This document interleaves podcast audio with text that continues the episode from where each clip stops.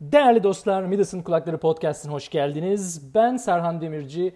Ben bu podcast'in Ramazan davulcusuyum. Evet yanlış duymadınız. Ramazan ayının sonuna geldiğimiz e, şu günlerde özellikle de bugünkü konuyla da alakalı olarak bu hafta bu hafta podcast'in Ramazan davulculuğu görevini üstlenmiş bulunuyorum. Bildiğiniz üzere bu podcast'in her hafta başka bir görev alanında kendimi e, bildiğiniz üzere e, feda ediyorum e, adıyorum kendimi o göreve. Efendim daha önce yapım, yönetim, sunuculuk vesaire değil mi? gezginlik yaptık, başka overlockçuluk yaptık. Yani farklı farklı işlerde, görevlerde bulunduktan sonra bugün Ramazan davulcusuyum. Nedeni şu, bunun temel nedeni şu. Çünkü e, aslında Ramazan'la çok da alakalı diyemem ama intermittent fasting denen bir şey var. Aralıklı oruç diye Türkçe'ye çevirebiliriz zannediyorum. Onunla ilgili bir iki tecrübemden bahsedeceğim. Birazdan başlıyoruz.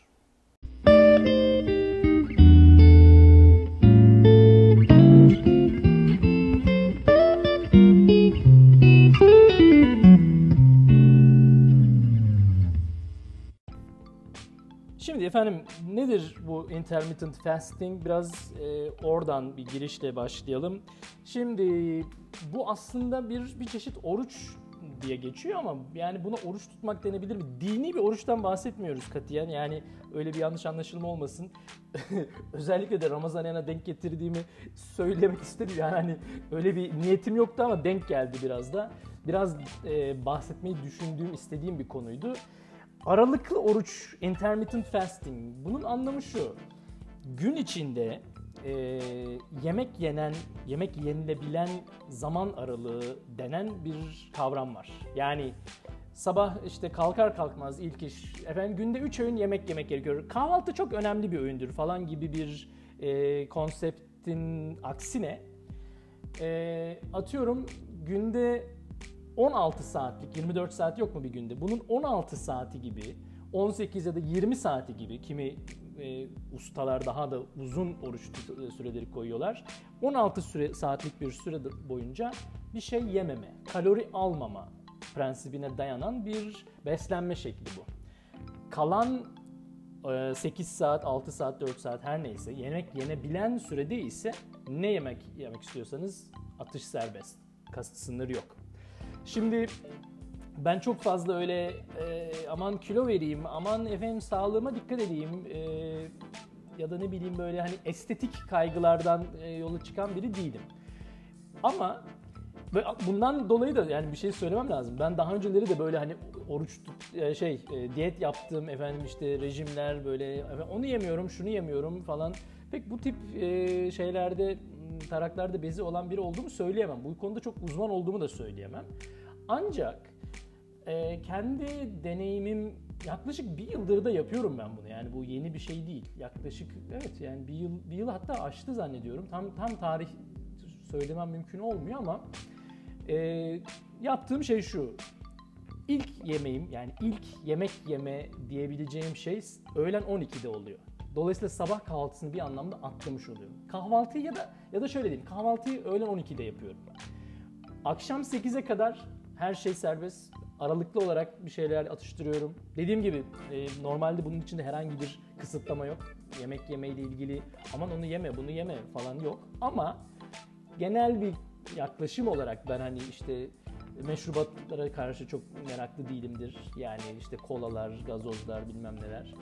E malum kahve işinde çalışan biriyiz. Yani kahve içiyorum falan ama bunun haricinden çok öyle tatlı pasta, çörekler yani o tip şeylere de çok merakım olduğunu söyleyemem. Onlar da yok. Ama bunun haricinde atıyorum işte ya pizza mı yemek istiyorsun? Ye. Ya da işte değil mi hamburger mi yiyeceksin? Döner mi? Ne yiyeceksen. Yani biz e, malum yurt dışında Tayvan'da yaşayan insanlar olarak o kadar Türk yemekleriyle böreklerle çöreklerle yani çok öyle bir imkanımız olmuyor ama açık söylemek gerekirse yani Tayvan mutfağının içinde de yani bol miktarda karbonhidratlar var. İşte pirinç malum e, pilavlı yani pilavlar vesaireler. Efendim kızartmalar yani burada da var bir sürü işte. E, ne yiyorsan yiyebilirsin akşam 8'e kadar. Öğlen 12'den akşam 8'e kadar. Yani o 8 saatlik zarfım benim 12'den e, akşam 8'e kadar.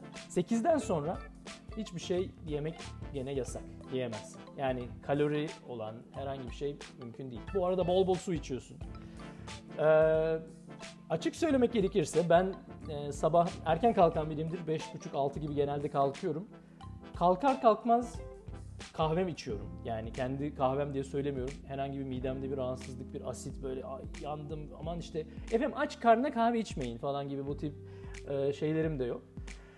E, ben bu e, intermittent fasting aralıklı oruç olayına başladığım süreçte e, Thai boksu, Muay Thai antrenmanı yapıyordum. Sabah 7.30'da başlıyordu antrenman. 7.30'dan 8.30'a kadar. Bilenler bilir, bilmeyenler için söylüyorum. Boks antrenmanı, özellikle Muay Thai antrenmanı inanılmaz yorucu bir şeydir. E, yani affedersiniz ama yani bir tarafından ter damlar adamın. Bol bol su içiyorsun. Bir şey yemiş değilim yani dediğim gibi sabah 5.30-6'da kalkıyorum, antrenmana gidiyorum bir saat ve antrenman sonrası duş alıyorum, işe gidiyorum, işimin ofisime geçiyorum, işimin başına geçiyorum. Saat 12'ye kadar hala bir şey yemiş değilim. Ve efendim ne baş dönmesi oluyor, ne işte şeker, kan, kan şeker, tansiyonum düşüyor, ne bir şey. Bütün bu kadar ağır bir fiziksel antrenman bile bu işin içine dahil olduğu halde ben bir sıkıntı yaşamıyorum. Şimdi bu herkese tavsiye edebileceğim bir şey mi? Bir kere her şeyden önce ben bu tip bir tavsiyeyi vermeye ehliyetli biri değilim. Yani ben ne bir doktorum, ne bir diyetisyenim, hiç öyle bir niyetim yok. Öyle bir olayım da yok. Aman bu çok güzel bir şey, siz de muhakkak yapın değil yani. Bu günkü bu sohbetin amacı o değil. Ama şöyle bir şey var. Bunun böyle bir yeme şeklinin e, yanlış ya da öyle yapma işte sabah kahvaltısı çok önemli bir öğündür falan gibi e, dogmaların çok doğru olmadığıyla ilgili bir e, tezim var. Yani onun için bunu aslında söylemek istiyorum. Nedeni şu. E, bunu araştırmak isteyenler paleo diyet diye aratabilir. E, özde bir grup doktor, ara, diyetisyen, araştırmacı, antropolog hatta yani bu işin içinde antropoloji de var bir miktar. Bu adamlar şunu söylüyor. Diyor ki insan biz 200 bin yıl önceki atalarımız eğer ki sabah kahvaltı yapmadan ben güne başlayamıyorum gibi bir e, doğaya sahip olsalardı biz bugün burada olamazdık. Onların söylemi şu, insan avcı toplayıcı değil mi? Neolitik döneme kadar yani yerleşik hayata geçip tarım ve hayvancılığa başlayıp ya yürümeye sürekli gezip yeni e, yerler keşfetmeye gerek yok. Oturalım abi. Şehrimizde o burada tarlamız var, hayvanlarımız burada. O sürece gelene kadar ki bu kadar denen, paleolitik dönem, e, paleolitik diye adlandırılan dönem insanlık tarihinin %99'unu kapsıyor mu? Bu %99'luk dönemde bizim eski atalarımız, en eski atalarımız nasıl yaşıyorlar? Oradan oraya işte avlanmaya çalışarak yani av garanti bir yemek şekli değil malum. Avlayabilirsin, avlayamayabilirsin. Avlamaya çalışırken ölebilirsin. Yani dahası dediğim gibi avlanamayabilirsin. Denk gelmez, su bulamazsın. Denk gelmez, meyve yoktur.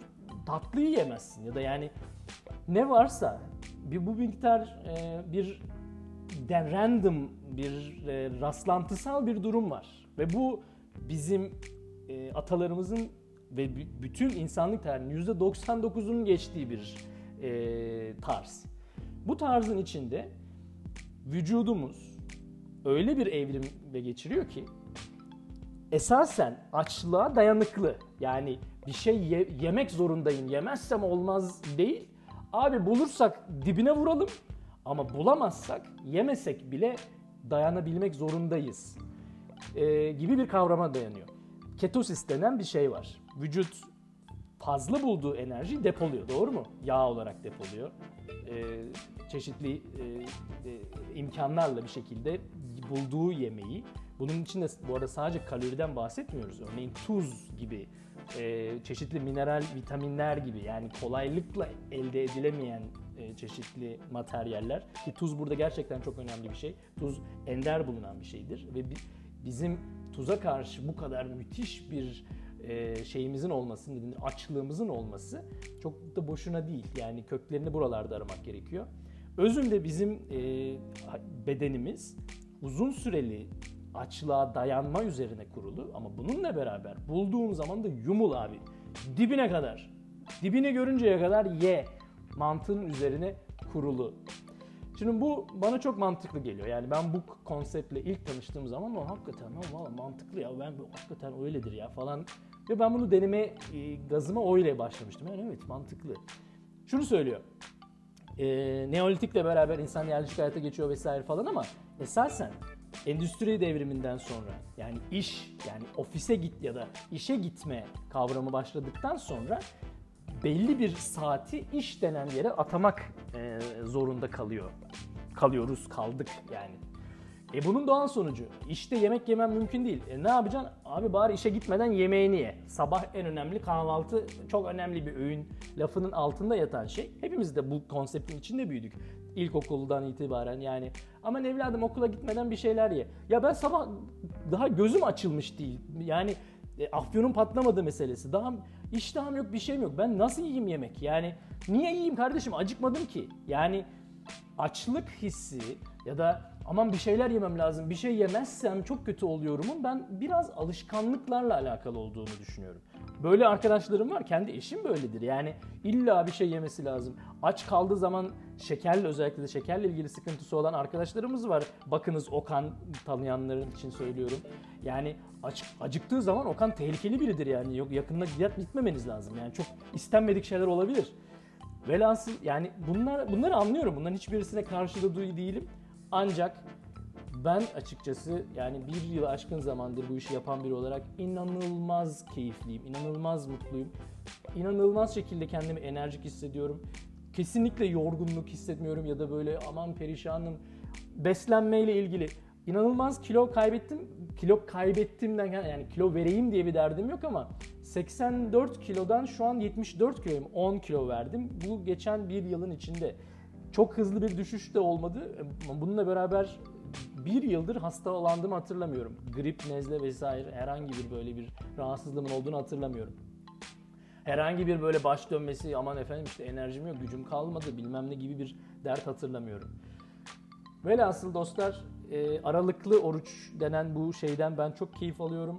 Denemek isteyenlere tavsiye edebilirim. Dediğim gibi ben bunu ehliyetli biri değilim. Bu tip tavsiyeleri verebilecek biri değilim.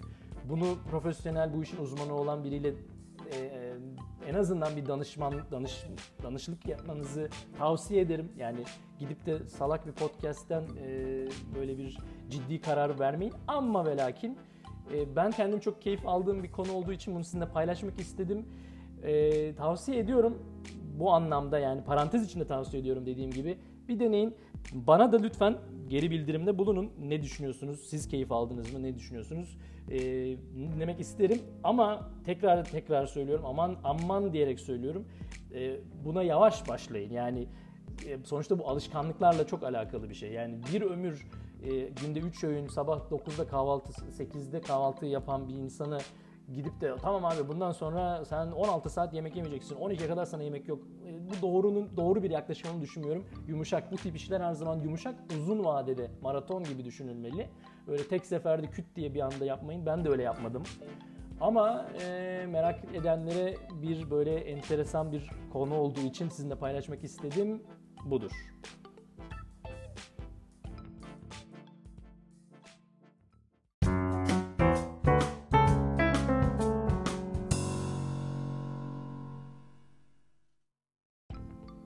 Değerli dostlar Midas'ın Kulakları Podcast'i ve Serhan Demirci ile birlikteliğiniz devam ediyor. Bildiğiniz üzere ben bu podcast'in Ramazan davulculuğunu yapıyorum. Ee, her hafta farklı bir görevi üstleniyorum. Bu hafta Ramazan davulcusuyum.